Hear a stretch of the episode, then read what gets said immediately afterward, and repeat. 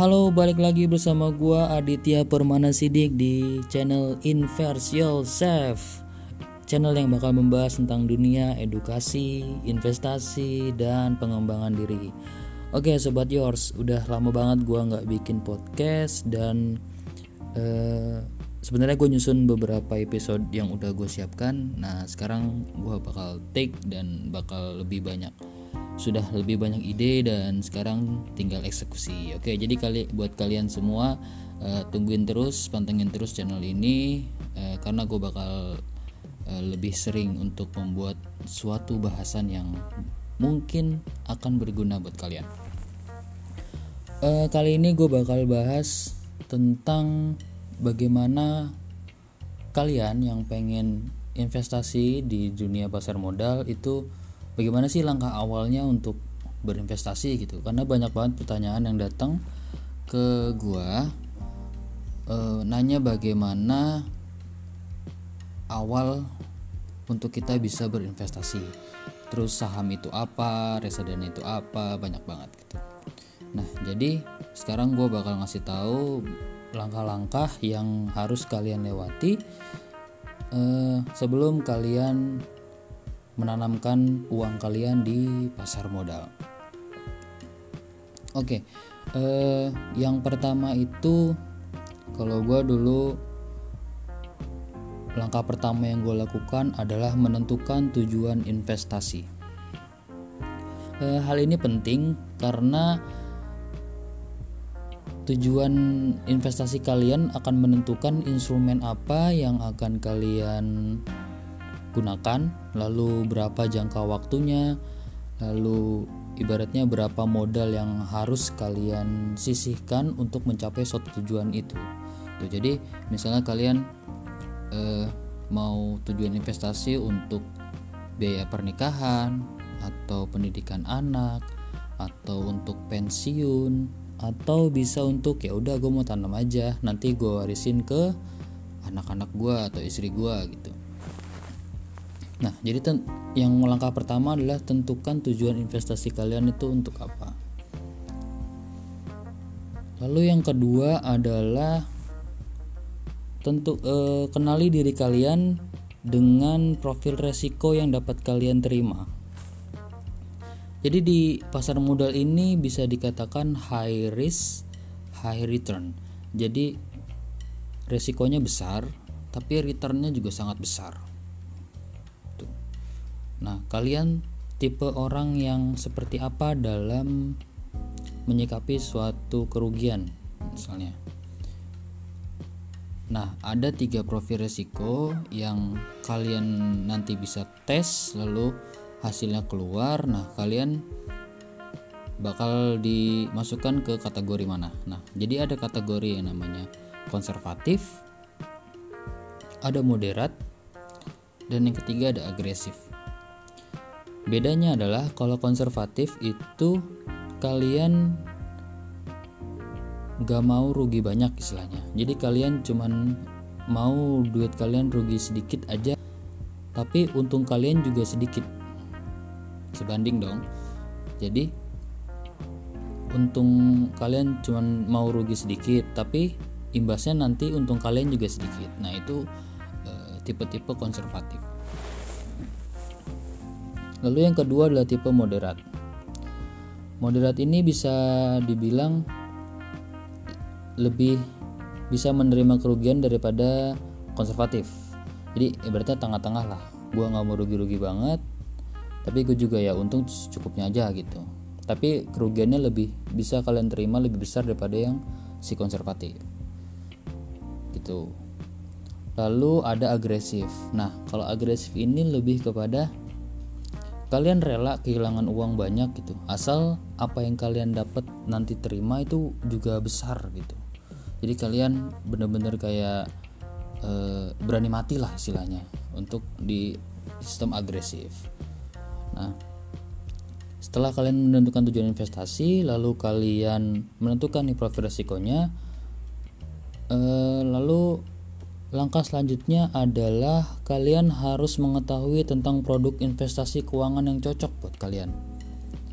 jadi ada banyak produk-produk keuangan yang bakal gue bahas di episode-episode selanjutnya. Jadi ada beberapa contoh misal deposito lalu saham lalu reksadana. Ada sekarang namanya ETF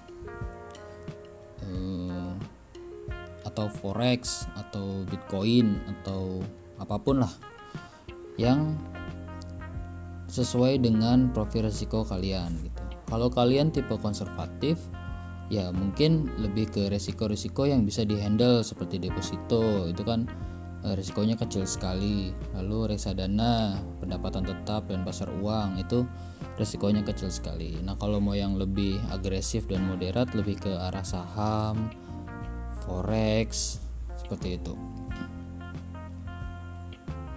Nah, setelah kalian menentukan produk investasi yang kalian mau, selanjutnya adalah tentu modal.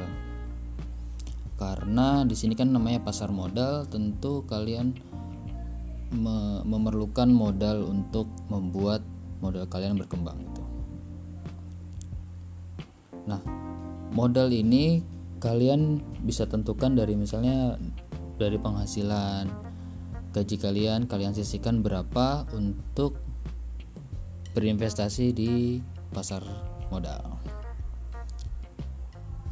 Oke, setelah persiapan semua itu selesai, kalian sudah tahu tujuannya, kalian sudah mengkotakkan diri kalian ke dalam suatu profil resiko apa, konservatif kah, moderat atau agresif. Lalu kalian sudah menentukan produk yang kalian suka, yang kalian cocok, dan sudah ada modal, langkah selanjutnya adalah action. Actionnya adalah kalian mulai membuat sebuah rekening dana nasabah ya, kalau nggak salah RDN atau RDI rekening dana investor. Nah itu adalah suatu rekening sama kayak rekening bank, cuma kalian bikinnya di perusahaan sekuritas. Jadi beda dengan misalnya bank Bank BNI beda dengan BNI Sekuritas. Nah, jadi kalau BNI ya seperti pada umumnya aja kalian buat nabung, buat transfer dan lain-lain. Nah, kalau kalian bikin di BNI Sekuritas, kalian bakal dapat rekening yang khusus untuk jual beli saham. Jadi rekening kalian akan terpisah antara rekening saham dan rekening konvensional. Tuh. Lalu setelah kalian membuat rekening dan e, kalian udah menentukan nih mau yang sekuritas mana ya udah kalian ikutin aja langkah-langkahnya untuk membuat reken, e, dana rekening dana nasabah itu gampang banget sekarang sudah ada yang cuman satu jam atau beberapa jam kalian sudah bisa untuk membuat suatu rekening dan nasabah. Ada juga yang berhari-hari sih. Nah, sebelum menentukan itu, kalian pilih-pilih dulu aja sekuritas mana yang cocok karena beberapa sekuritas menawarkan benefit dan ada juga peraturan-peraturan yang harus kalian baca misalnya kayak ada fee, fee per bulan, lalu fee jual beli, lalu berapa minimal dana yang harus disetor dan lain-lain itu ada ada banyak di internet jadi kalian ketik aja perusahaan sekuritas gitu. Nanti kalian lihat di sekitar rumah kalian di mana ada sekuritas terdekat. Atau kalian bisa browsing eh, sekuritas terbaik di Indonesia misalnya gitu oke. Prosesnya sama aja kayak kalian bikin rekening bank. Kalian bisa dari online kalian buka websitenya lalu kalian bikin online trading online akun online trading. Atau kalian bisa langsung ke sekuritasnya untuk bilang kalau saya ingin membuat rekening dana nasabah. Setelah itu udah kalian tinggal santai aja nanti rekening kalian jadi dan walah kalian sudah menjadi seorang investor. Oke setelah bikin rekening dana nasabah ya udah kalian tinggal beli produk yang kalian sudah rencanakan itu.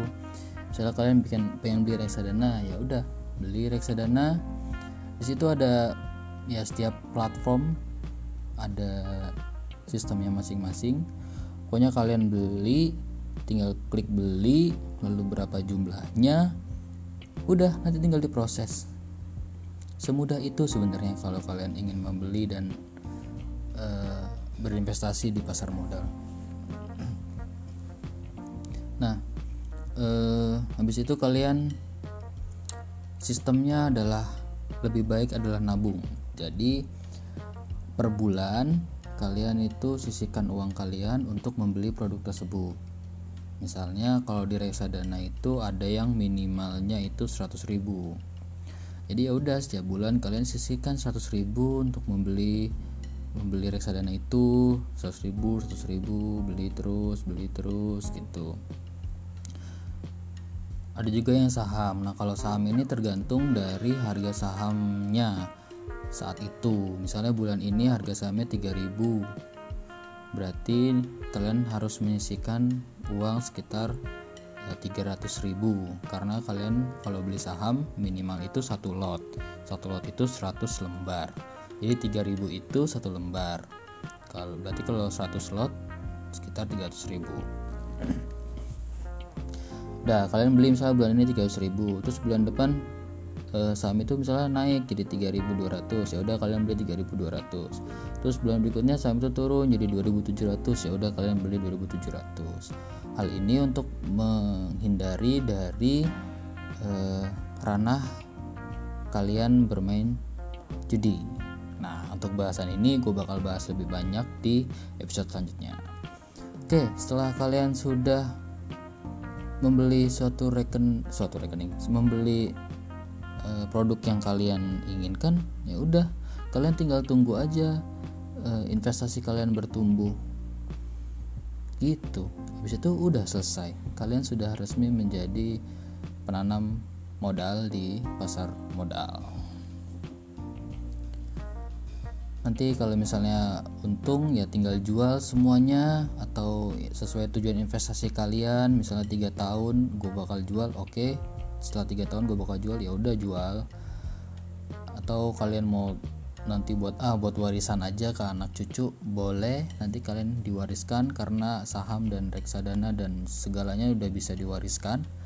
Jadi kalian gak, tak gak usah takut bahwa dana kalian itu bakal hilang atau nggak kema atau ke mana-mana gitulah. Tuh.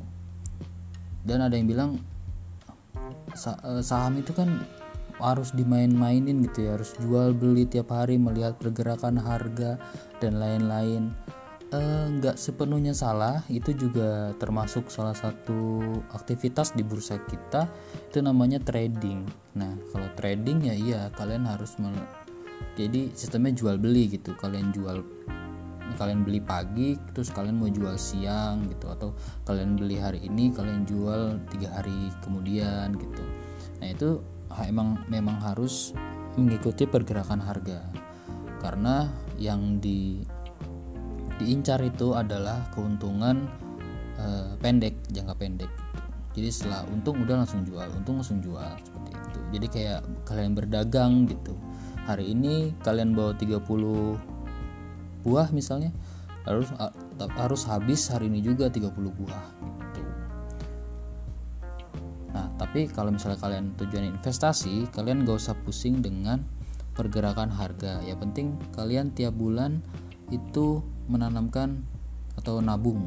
Nah, jadi istilahnya kalian itu sebenarnya nabung setiap bulan, tapi di instrumen saham atau reksadana uh, udah setelah kalian udah punya akun itu dan udah punya produk yang kalian investasi ya udah kalian tinggal menikmati hasilnya aja gitu. yang penting dan yang penting kalian harus terus belajar uh, di dunia pasar modal karena kalau kalian gak punya ilmu terus uh, tiba-tiba langsung terjun ya pasar modal itu sangat kejam bagi orang-orang yang seperti itu jadi sebelum ke pasar modal ada lebih baik kalian tuh mencari tahu dulu sebenarnya pasar modal itu apa terus sistemnya seperti apa terus misalnya reksadana itu apa saham itu apa. Nah kalian cari tahu dulu sebanyak-banyaknya sampai kalian yakin bahwa uh, ini adalah instrumen instrumen uh, instrumen investasi yang gue pilih untuk membuat uang gue bekerja untuk gue istilahnya seperti itu. Nah caranya kalian bisa googling atau paling enak sih nyari temen untuk ditanya-tanya untuk saling sharing gimana eh, perdagangan di bursa dan tips-tipsnya dan segala macamnya lah. Nah yang penting kalian cari tahu dulu habis kalau udah yakin oke okay, happy investing dan ya semoga kita semua bisa menjadi orang yang berkecukupan. Uh, oke okay, mungkin segitu aja dari episode kali ini. Uh, apabila kalian memang berminat untuk belajar investasi saran-saran gue yang tadi coba dilakukan dan semoga kalian berhasil dan sampai jumpa